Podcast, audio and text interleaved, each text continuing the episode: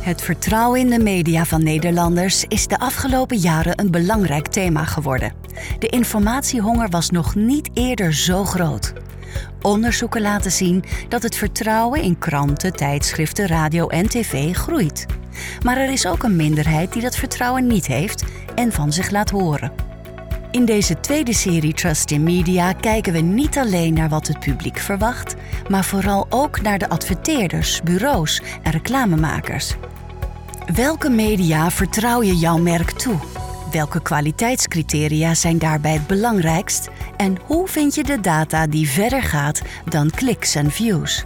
In deze tweede podcastserie van Magazine Media Associatie en NDP Nieuwsmedia zoeken we de antwoorden op die vragen. Dit is Trust in Media. Wanneer je als adverteerder op een digitaal medium staat, dan kun je nog zoveel onderzoeken hebben gelezen, nog zoveel cijfers hebben gezien. Maar wat doe je als er, ondanks alle inspanningen, toch nepnieuws staat op de pagina waar jouw merk toevallig ook adverteert? Als vertrouwen van de bezoeker in het medium waar jij adverteert een positieve uitstraling heeft, is het omgekeerde dan ook waar? Kun je daar je merk tegen beschermen? Welke media kun je jouw merk toevertrouwen? Onder meer daarover praten we in een nieuwe podcastserie van Trust in Media. In de eerste serie spraken we over het vertrouwen dat het publiek heeft in media in Nederland. Dat vertrouwen is groot. Deze serie gaat over het vertrouwen in de kwaliteit van media dat de professionals hebben. Die dit initiatief nemen tot reclamecampagnes. Je luistert naar aflevering 3. Ik ben Richard Grootbot en ik heb vandaag drie gasten. Atwa van Santen, ik begin weer bij jou. Hoe zou jij jezelf in één zin omschrijven? Uh, ik heb net een goed voorbeeld gehad. Ik ben CEO van uh, Mindshare, het mooiste bureau van Nederland. Ja. Dennis Hogevorst, jij in één zin? Uh, teamlead B2B Research and Insights bij DPG Media. En Menno van der Steen. Chief Data en Marketing Sciences bij Groep M. Atwa, moet ik me als adverteerder zorgen gaan maken als op een website waarop ik adverteer nepnieuws te lezen is? Uh, zeker. Ik denk niet dat we nepnieuws moeten, uh, moeten stimuleren. Maar ja, ik zit even te denken hoe dat dan in de praktijk zou uh, gaan. Dus stel er is nepnieuws geconstateerd. Je hebt daar als adverteerder naast of bij gestaan. dan is dat natuurlijk heel vervelend. En, en... en als het vaker gebeurt, Menno? Dan, dan moet je daar heel goed in duiken en zorgen dat het niet nog een keer gebeurt. Maar er zijn wel genoeg manieren om, om dat te voorkomen. Dus uh, om, om, safe te blijven en uh, binnen de context waar je wel mee geassocieerd wil worden. En je kunt natuurlijk gewoon URL's uitsluiten waar je gewoon niet wil, wil staan. Ja. Maar ook woorden en bepaalde nou ja, onderwerpen, et cetera. En dat wordt steeds slimmer. in de vorige aflevering had ik al over ja. National Language Processing. Mm -hmm. En de AI die dat steeds geautomatiseerd en dus slimmer als, maakt. Dan stap je dus eigenlijk als adverteerder een stukje verder uit die website weg. Ja, dat is wat je doet. Dat kan. Nou, ik noem het omdat twee derde van de reclameprofessionals zich hier zorgen over maken. Over de invloed van nepnieuws. Al was het omdat de data van je bezoekers en daarmee toekomstige klanten misschien ook wel vogelvrij wordt als een ja, website niet goed oplet. Net, nepnieuws heb je denk ik in verschillende gradaties. Hè? Dus wat Jort Kelder en John de Mol overkomt door, uh, doordat hun ja, portret wordt misbruikt eigenlijk uh, in allerlei uh, commercials over, wat is het, over blockchain investeringen en zo, bitcoins dat is wel even een ander niveau dan. Want wat bedoel jij met fake? Wanneer is iets fake nieuws? Ja. ja.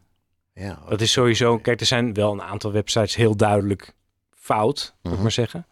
Maar uh, en er is ook een heleboel fake aan advertising. Laten we eerlijk zijn. Hier en daar, witter dan wit, is dat echt zo. Dus nou ja, je kunt, er zijn verschillende gradaties in. Wat, die hoef ik niet te is een, is een boodschap echt, uh, is dat fake of niet? Het gaat denk ik meer om de intenties. Uh, en daar wil je denk ik uh, achter komen. En dat is. Trouwen dat, uh, dat, ja, dat de lezer heeft. Ja, dus daarom, kijk, als het gaat over programmatic buying, dan hebben wij helemaal ingeregeld in een trusted marketplace. Dat we weten wie het zijn waar wij voor onze adverteerders inventory in kopen. En, en daar stellen we ook dus... allerlei eisen aan. Dus ja. dat is gewoon heel veilig. en dan kan het nog steeds voorkomen dat je rondom een bericht, wat niet helemaal lekker uitkomt, terechtkomt. Dat zou kunnen in theorie. Maar is dat fake nieuws? Dat, nee, dat is geen fake nieuws. Dat is eigenlijk een ander onderwerp. Nou, maar ik vind fake nieuws wel... Uh, misschien moet, kun je dat nog iets specificeren? Ja. Wat nou, ik haal die ongerustheid uit een onderzoek van Integral Ad Science. Die laat zien dat ruim 60% van de ondervraagde reclameprofessionals denkt dat als. Hij denkt vooral dat fake nieuws vooral te vinden is bij de sociale media. En dat het gaat over politiek nieuws. Ja. Eh, Dat zijn de grote plekken, eh, de onderwerpen eh, waar fake nieuws voorkomt. En driekwart zegt: jouw advertentie moet niet bij nepnieuws in de buurt staan. Ja, maar, Maar- dat maar is dan dan moet je- meer een distributieplatform issue. En niet, kijk, fake nieuws van alle tijden natuurlijk. Dus de, daar ligt denk ik ook niet het probleem. Het is, we hebben een distributieprobleem en inderdaad een funnel issue... waarin de algoritmes mensen bevestigen in hun eigen gelijk. En dat, daar is nu geen goede oplossing voor. Dat is inderdaad een, een probleem. Alleen, ja, dat lossen wij nu niet op hier met elkaar... tijdens deze podcast sowieso. Dennis, ik kom Dat bij is je, een maar ik wil, even naar, ik wil even naar Atwa nog. Nou ja, ik denk dat, dat als je het- op die manier uitlegt en je vindt dat eh, eh, onacceptabel, dan, dan moet je eigenlijk zeggen, dan investeer ik überhaupt niet meer in die platformen. eh, totdat zij kunnen aantonen dat ze het eh, eh, op orde hebben. Ehm, want ik ben met Menno eens, het is, een- het is een, ja, een distributieprobleem of een algoritme eh, probleem. En niet zozeer ehm, ja, een, fa- een fake news iets als ik het eh, zou moeten duiden. Alleen dat is heel lastig om te doen.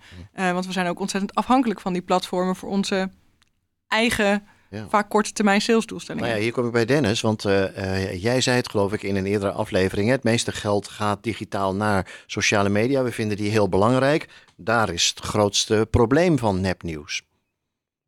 Ja, Ja, maar moeten we dat dan nog wel doen? Is, dat niet, is, er niet een, een, is dit niet het moment om te zeggen minder naar de sociale media? Eh, kijk, ik, ik, zie de wa- waarde van, eh, van sociale media natuurlijk ook, eh, ook in. En, ehm, eh, dus dat heeft wel degelijk waarde. Ehm, alleen er zijn alternatieven waarin je ja, een meer gecontroleerde omgeving hebt. Eh, van eh, de context waar, eh, waarin je staat. En die context, die is enorm belangrijk. Weet je, context is de omgeving waarin iets zijn betekenis krijgt. Ehm, we hadden het over halo-effect en dergelijke. dat, ja, daar heb je invloed op. Ik heb in een, bijvoorbeeld, ik vind dat wel een grappig, grappige herinnering, bij een vorige werkgever wel eens gemerkt dat een, eh een accountmanager op een dubieuze si- site zat te F5'en om eh, te kijken welke, eh, welke advertenties daar langskwamen. Om bij de adverteerders langs te gaan van, is dat nou de omgeving waar, waar je in wil, wil staan? Wij bieden een veel veiliger omgeving. Weet je, en dat is, dat zal niet iedereen doen, maar er zijn gewoon veiliger alternatieven. Deed hij het dan ook? Heeft hij dat ook echt gedaan? Is bij die Ja, dat is een mooie binnenkomer, toch? Dat, eh, dat, tuurlijk Wilt u, doe je daar, dat. wilt u daar werkelijk staan, meneer? Ja, dat, is, Ja. ja. dat, eh, dat gebeurt, ja. Die veilige omgeving, dat is een mooi bruggetje naar Trusted Web. Menno, ik kom bij jou uit. Eh, Misschien moeten we even uitleggen wat Trusted Web is. Wat er in Nederland gedaan wordt hè, om eh, een veilige omgeving te creëren. Nou, het is niet alleen Nederlands. Het is een eh, internationaal initiatief. Het gaat ook vooral over die partijen waar wat meer eh, te doen is op dat vlak, denk maar goed, ik ken het vanuit Nederland. Dus, eh, ja. Maar ja, ja, er zijn natuurlijk websites, ja, sp- spoofing. En er zijn allerlei manieren van ad fraud. Hè? Dus eh, fraude en eh, fake websites. Websites die doen alsof ze nu.nl zijn. Ik zeg, hè, zeg maar even. Zelfde soort content daarop plaatsen. En waardoor algoritmes denken, hey, dat is een grote site met een groot bereik, interessant. Maar, maar daar kijkt dan uiteindelijk niemand op. Nou, Mhm. dat, dat moet je natuurlijk voorkomen. Ehm, maar Trusted Web, ehm, Trusted Marketplace, dat is een plek waar we eigenlijk de hele keten overzien. Eh weten welke partijen er eh, tussen zitten, eh, in zitten, hoe die keten in elkaar zit, volledig transparant. En ook eisen stellen aan de, aan de uitgevers die daar eh, eh, een rol in spelen Mhm. en in zitten. Wie zijn dat? Dat zijn alle grote partijen, alle betrouwbare partijen. Eh, maar er zijn natuurlijk een heleboel partijen onbekend. Maar bedenk ook dat er soms campagnes zijn waar Pakistaanse of Russische eh, URL's opeens verschijnen. hè. Als je gewoon de programmatic motor aanzet en niks doet, eh, dan kan dat gebeuren. Dus daar moeten heel veel filters op. Eh, en dat is dus, ja, dus wel echt zwaar technologisch onderwerp meteen. Maar dat is wel waar we op afstuderen en heel goed in zijn. Om Mhm. dat voor adverteerders in te regelen. Dit lijkt me adva voor adverteerders een soort van uitgang. Als ik adverteerder zou zijn, zou het een uitgangspunt zijn. Is dat ook zo? Dat is ook zo, ja. Ja. Dus dit zijn eh, eh, ja, in de basis afspraken die wij met onze, onze klanten maken. En de een heeft eh, iets strengere brand safety regels dan, dan de ander. En dan gaat het inderdaad, als we programmatic inkopen, wat, wat Menno net aangeeft, naar, naar een trusted marketplace. en dan wordt alles geautomatiseerd met nou ja, allerlei checkpoints om ervoor te zorgen dat dat wat we inkopen, dat dat ook brand safe is. Dus dit, ja, dit, dit is de basis van, uh, van onze dienstverlening. Ja, ja. Kun je eens iets meer uitleggen over die brand safety uh, uh, regels en voorwaarden die, die een adverteerder kan stellen? En dan bedoel ik niet die vanuit de, de regulator of een overheid worden, worden geïnstigeerd, maar die vanuit het merk zelf komen. Menno, heb je daar een goed voorbeeld bij? Dat kan zijn over bepaalde topics. Dus we willen niet geassocieerd worden. Nou, dat de vorige podcast hadden we het al even over KLM rondom een vliegramp. ja. Of uh, inderdaad een uh, uitvaartverzekeraar rondom heel veel doden uh, bij een of ander ongeval in, of in Oekraïne. Ja. Maar gaat het dan alleen om, om wat, wat je nu dus noemt? Het is iets wat, wat, wat, mensen niet willen. Dus een soort van voorkomen van kleine of grotere rampen. Maar is er misschien ook iets waarvan ze zeggen: dit is wat, wat we juist willen bereiken met, uh, met onze brand value? Ja, dat, nou, is, dat wel... is uitgangspunt. Ja. ja. nee, er zijn wel klanten die. Um, even de andere kant op, maar uh, ook een inclusievere omgeving bijvoorbeeld uh, opzoeken en daar ook meer in, in willen investeren. Of die um, aangeven dat ze niet rondom bepaalde programma's willen inzetten. Dus zo hebben we. Nou, VI is een, een veelbesproken onderwerp. Ik heb klanten die daar absoluut niet bij gezien willen worden. En ik heb ook klanten die zeggen: ja, voor mij is, zijn advertenties. Um, de context is veilig genoeg. Want ja, wij zijn ver genoeg van het programma weg met, met advertenties. Om daar ook uh, het bereik in, uh, um, ja, in te commercialiseren uh, eigenlijk. Dus ja, dat is een... Klanten met allemaal verschillende ideeën die, die naast elkaar in ieder geval bij ons in de groep zitten. Ja, Dennis? Nou, Trusted Web gaat denk ik niet alleen over brand safety. DPG Media heeft een eigen Trusted Web gebouwd. Uh, waarbij je inderdaad kijkt naar die veilige omgeving. Uh, maar uh, minstens zo belangrijk is dat ehm, je al die tussenpersonen niet meer, niet meer nodig hebt. waardoor heel veel geld wegcijpelt. Dus adverteerders krijgen daardoor meer media voor hun, voor hun geld. dus adverteerders profiteren daarvan. Uh, en daarnaast is het voor consumenten, uh, over wie je data verzamelt, ook transparant wat er met hun data gedaan wordt. Dus het heeft verschillende uh, raakvlakken waar een, een, veilige omgeving er eentje van, van is. Ja. Ja, misschien moeten we het nu inderdaad, nou je het aansnijdt, even hebben over de third-party cookies. Hè? Dit is iets wat ook te, te maken heeft met dit onderwerp. Third-party cookies mogen binnenkort niet meer. Menno, kun jij even, jij, jij bent de data specialist, uitleggen wat uh, third-party cookies ook alweer waren? Nou ja, met een third-party cookie kun je uh, mensen volgen online over meerdere domeinen. Dus kun je journeys maken van hoe iemand uiteindelijk op jouw website beland is. Ja, dus niet uh, de website zelf die, nee. die gegevens verzamelt over wie bezoekt mij nu, maar een derde partij die ook op die website aanwezig is, en die dropt een cookie. En, en de daarmee, schaduw meekijkt, zeg maar. Ja, en daarmee kun je inderdaad al die touchpoints op een rij zetten. Nou, dat is super belangrijk voor bijvoorbeeld multitouch attribution. Dat is uh, een methodiek die heel veel gebruikt werd uh, Sorry, wat zei in, in digitaal. Nou, multitouch attribution, MTA. Dat is een methodiek eigenlijk om te, nou ja, journeys, die journey data te modelleren. En, je bent me en kwijt, te berekenen. Sorry. en te, nou, uiteindelijk gewoon om te berekenen, oké, welke bijdrage heeft ieder touchpoint geleverd? En dat is voor advertising natuurlijk super belangrijk. Dat je weet van, oh, search en de social ad en de video op YouTube, die hebben dit bijgedragen aan het uh, uiteindelijk resultaat en de transacties uh, online. Dat wordt een stuk moeilijker, want als je die journeys niet ziet, uh, en niet meer weet en niet meer kan volgen, dan, uh, dan kun je dat ook niet meer uitrekenen. Ja, Mooi onderwerp voor uh, andere podcast. Attributie is echt mega interessant, maar ook onwijs complex. Ik vind het moeilijk om te begrijpen. Leg nog eens even uit. Nou ja, wat is simpel, simpel gezegd, en ik denk dat Menno het veel beter begrijpt dan ik hoor, maar de, de bijdrage van verschillende contacten met wat het voor je, voor je merk doet. En we weten inmiddels wel dat uh, je verder moet kijken dan alleen die laatste klik hè, naar, uh, naar, jou, uh, naar jouw website. Maar wat is er allemaal aan, aan vooraf gegaan en wat zijn die verschillende contacten, welke waarden hebben die? En dat kan je voor online redelijk goed doen aan de hand van, van cookies. Voor offline is dat al een stuk lastiger. Maar eigenlijk zou je ehm, en mensen die mij kennen, die beginnen nu te, te lachen, omdat het een soort van stokpaardje is, ook nog aan moet kijken wat, wat daaraan vooraf gaat. Weet je, als je naar Customer Journey van auto's gaat kijken, en jij hebt vroeger bij je ouders op de achterbank gezeten, dan zal dat ook een rol spelen in een bepaald gevoel voor, voor het automerk. Nou, dat kom je in onderzoek eigenlijk niet, niet tegen. En daadwerkelijk al die verschillende invloeden op hoe jij tegen een merk aankijkt, dat probeer je in kaart, in kaart te brengen. Wie de mens is. Uh, nou, niet zozeer wat de mens drijft. Waar Precies. Ja. ja. waarom de mens bepaalde keuzes uh, uh, maakt. En dat gaat dus niet alleen op, om een paar online contacten. En dan komen we weer bij dat stuk over het bouwen van je merk en dergelijke. Daar speelt veel meer, veel meer een rol bij. Oké, daar wil ik nog wel even over door. Maar misschien moeten we ook even Adva uitleggen. Waarom mag het dan niet meer, die third-party cookies? Lijkt me inderdaad heel erg handig voor jullie vak. Ja, nou, omdat uh, uh, het is heel handig voor ons uh, vak. Ik denk dat het de afgelopen jaren met de komst van, van internet ook, um, zoals veel dingen die nieuw zijn, iets te veel gebruikt is. Of um, nou, misbruik is misschien niet, niet het juiste woord, maar in ieder geval op de verkeerde manier is, is ingezet. Um, waardoor consumenten het eigenlijk heel vervelend vinden. Het is een mechanisme om de consument te beschermen van Um, ja, uh, retargeting, dus heel vaak dezelfde boodschap uh, uh, krijgen bijvoorbeeld. Um, omdat dat irritant is of wordt, wordt gevonden. -hmm. En tegelijkertijd is het dus ook een enorme beperking om de industrie verder te helpen. Um, en nou ja, zit denk ik ook aan de consumentzijde.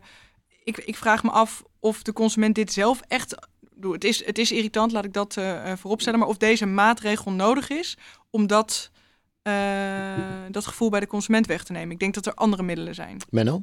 Ja, zoals? Uh, ik denk educatie van, aan, aan consumentenzijde belangrijker is dan. Mm. Ja, belangrijker is misschien niet het goede woord, maar het moet tegelijkertijd gebeuren. Nu wordt er op oh, scholen. Sorry, educatie bedoel je mensen leren, je raakt je privacy kwijt als je het internet opgaat? Uh, nou, je kan je privacy kwijtraken als je verkeerde keuzes maakt op het internet. Uh, ja. Strafverstelling. Ja, zeker.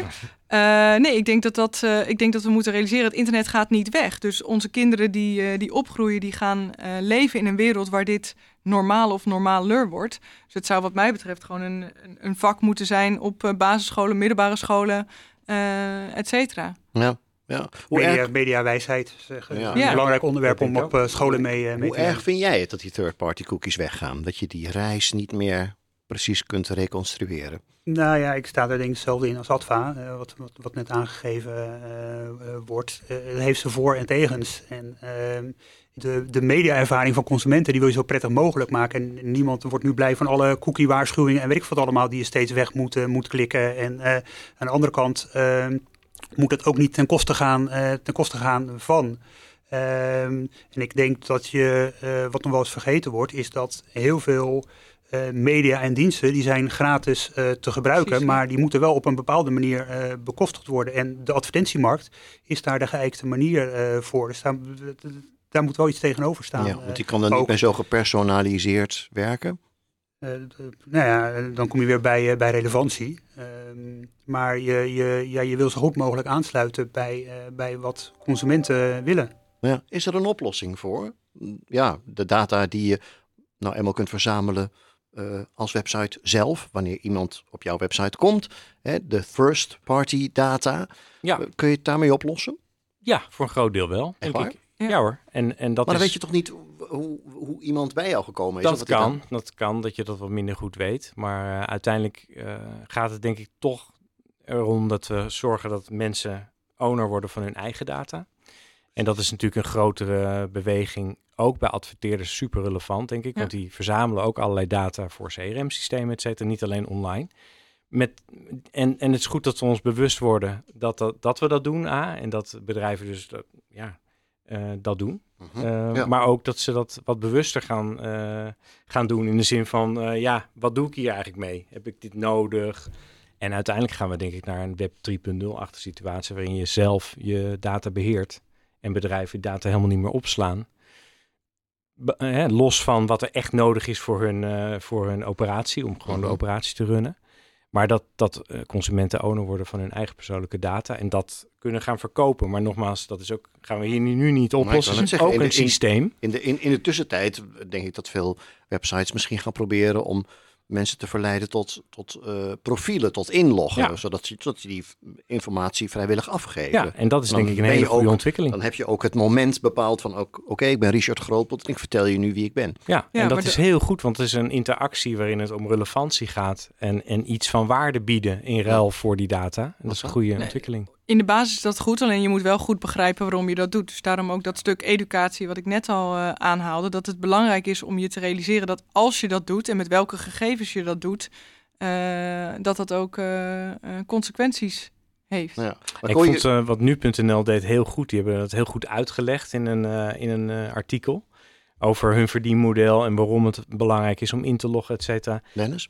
Ja, nee, maar dat, eh, wat, wat Menno zegt. En, eh, ja, je kiest daar bewust voor. En ja, je moet als uitgever heel transparant zijn wat er met die data eh, gedaan wordt. Vandaar dat zo'n trusted web omgeving ook eh, zijn meerwaarde biedt. Ja, maar En ik qua hoor- onderwijs, hè, denk ik nog een puntje, sorry dat ik je... maar dat ook heel belangrijk is dat mensen ook... ik- Het wordt nogal overschat wat er gebeurt met data. Het is Ja. nogal een spooky verhaal, waardoor iedereen eh, het heel, allemaal heel spannend eh, is gaan vinden. Het komt natuurlijk door het Cambridge Analytica eh, voorval met Facebook. Mhm. Waaruit, nou ja, dan de suggestie wordt gewerkt dat op basis van je gedrag daar kan worden voorspeld op wie je gaat stemmen en wat, et cetera. Daar geloof ik ook nog wel hoor. En dat je ook kan zien wat, waar mensen op aangaan en boos op worden en zo. Maar adverteerders waar wij voor werken, weten dat niet en, en doen daar ook niet zo heel veel mee vaak. Met die, Dennis, met die data. Die, die first party data, dus die de website zelf van iemand krijgt, omdat hij aan, aan iemand vraagt, een bezoeker, vul dit in als je wil. Hè. Is dat per definitie ja, meer waard omdat er een relatie is hè, tussen dat mediamerk en die doelgroeppersoon? Ik denk het wel, want de mensen hebben daar expliciet toestemming voor, eh, voor gegeven. Ja. Eigenlijk hebben we er dan meer aan, zeg maar. Is het niet eens zo heel erg dat die third party data verdwijnt? Ik denk dat we gewoon voorwaarts moeten en, en niet moeilijk over gaan doen. eh, dat dat gebeurt en juist misschien nog wel een extra stap eh, zetten. Richting merken bouwen? Richting waarde creëren, ook in, in dat- advertising dat, dat en messaging. net even zeggen, zo tussendoor. Maar eh, oké, laat ik er Ja. een stelling van maken. We gaan meer tijd nemen voor merken bouwen en storytelling, want we weten minder over de klant. Adva? Eh, nou, dat zijn ook twee stellingen. Sorry Ja. dat, ik, dat ik zo streng ben. Maar eh, ja, we moeten meer tijd maken voor eh, merken bouwen en storytelling. Maar niet omdat we minder van de klant weten. Ik hoop omdat we meer van de klant weten, zodat het ook betere verhalen zijn. Ja, en dan ga je meer weten van klanten omdat ze meedoen. Ja. En consent geven op een relatie met een adverteerder. En daarvoor moet een adverteerder wel wat doen en een waarde toevoegen. Kijk, een voorbeeld wat ik vaak noem is... Vroeger gingen mensen naar ING-kantoortjes om eh, bankzaken te regelen. Nou, dat gebeurt nu niet meer. Maar als je nu kijkt hoe eh, veel je kunt doen met de app die op je telefoon zit... hoeveel meer contacten je maakt met ING als merk... Ja, dat is ongelooflijk. Dat, is- dat gaat helemaal naar een één-op-één eh, kanaal. Nou, stel je voor dat iedere adverteerder zoiets zou ontwikkelen. Gewoon een eigen communicatiekanaal. Nou, dat is Mhm. fantastisch. Het eh, wordt een beetje veel apps op je telefoon. Ja. Dus iedereen wil dat, maar eh, lastig om dan toch eh, die sweet spot eh, te vinden waar je dat kan claimen. Maar ik denk dat dat nu de komende paar jaar een enorme uitdaging zou moeten zijn binnen alle productcategorieën. Van wie Maar ook hoe bouw je claimt die, die plek? Ja, maar ook hoe bouw je die relatie? Ik bedoel, we hadden het net ook even over podcasts, podcasts aan zich, maar dat is op zich een heel mooi kanaal om eh, relaties te bouwen met, eh, met klanten. Helemaal met je eens. Dat, nog even, Dennis, merken bouwen en storytelling gaan we meer doen, want we weten minder over een klant. Nou ja, ik ben het eens met wat Adva net aangeeft. Eh, die twee hebben in principe niet zo heel veel met elkaar te maken. Want eh, eh, merken bouwen, verhalen vertellen, dat moet je doen omdat je betere eh, marketing moet bedrijven, betere reclame wil, eh, wil maken die aansprekender is en dus effectiever. Ehm, dat we minder eh, weten over mensen. Eh, weet je, contextual advertising. eh, je, je, advertentie plaatsen in een passende omgeving is ook een andere, een andere oplossing. Maar in de vorige aflevering viel het woord relevantie ook al. Je wil relevant zijn voor, voor bezoekers, voor mensen, eh, voor consumenten. En eh, Maar daar heb je informatie voor nodig. eh, daar heb je informatie voor nodig. En dat, dat is eh, je tweede deel van, jou, eh, van jouw stelling. Eh, op het moment dat je minder van mensen weet, is dat wel eh, wat lastiger. Ja. waarbij, nou ja, dit, dit, dat is een hele andere discussie. In hoeverre wil je heel fijnmazig targeten? Of wil je een bredere boodschap verkondigen die voor meer mensen geldig is? Oh, je bedoelt dus maar net wat je wilt, wat je, wat je, wat je doel was. Ja, maar je doelstelling, daar, daar begin je mee, lijkt me. Ja, ja helder. Ja, ja, ik denk, denk dat het op zich een gezonde ontwikkeling is voor ons vak om weer opnieuw na te denken over wat nu uh, relevantie echt is. Want even het uh, third-party cookie uh, stuk zit heel erg op de relevantie, zit op weten waar je hiervoor geweest bent. Maar de vraag is of dat heel interessant is, want je bent nu hier. dus wat wil je op dat moment met die klant bereiken, is misschien ja, belangrijker om over na te denken dan waar komen ze precies vandaan. En nu gaan wij invullen voor hen wat ze dan mogelijk zouden willen. Willen ze dan nu die aanbieding? Terwijl ze misschien wel op dat moment informatie willen. Er zijn ook andere manieren om dat uh, te onderzoeken. Dus um, het, het, zet ons misschien op scherp. Hmm. Ja, en we gaan op onze own media of van de adverteerder dan veel meer informatie verzamelen ja. nu.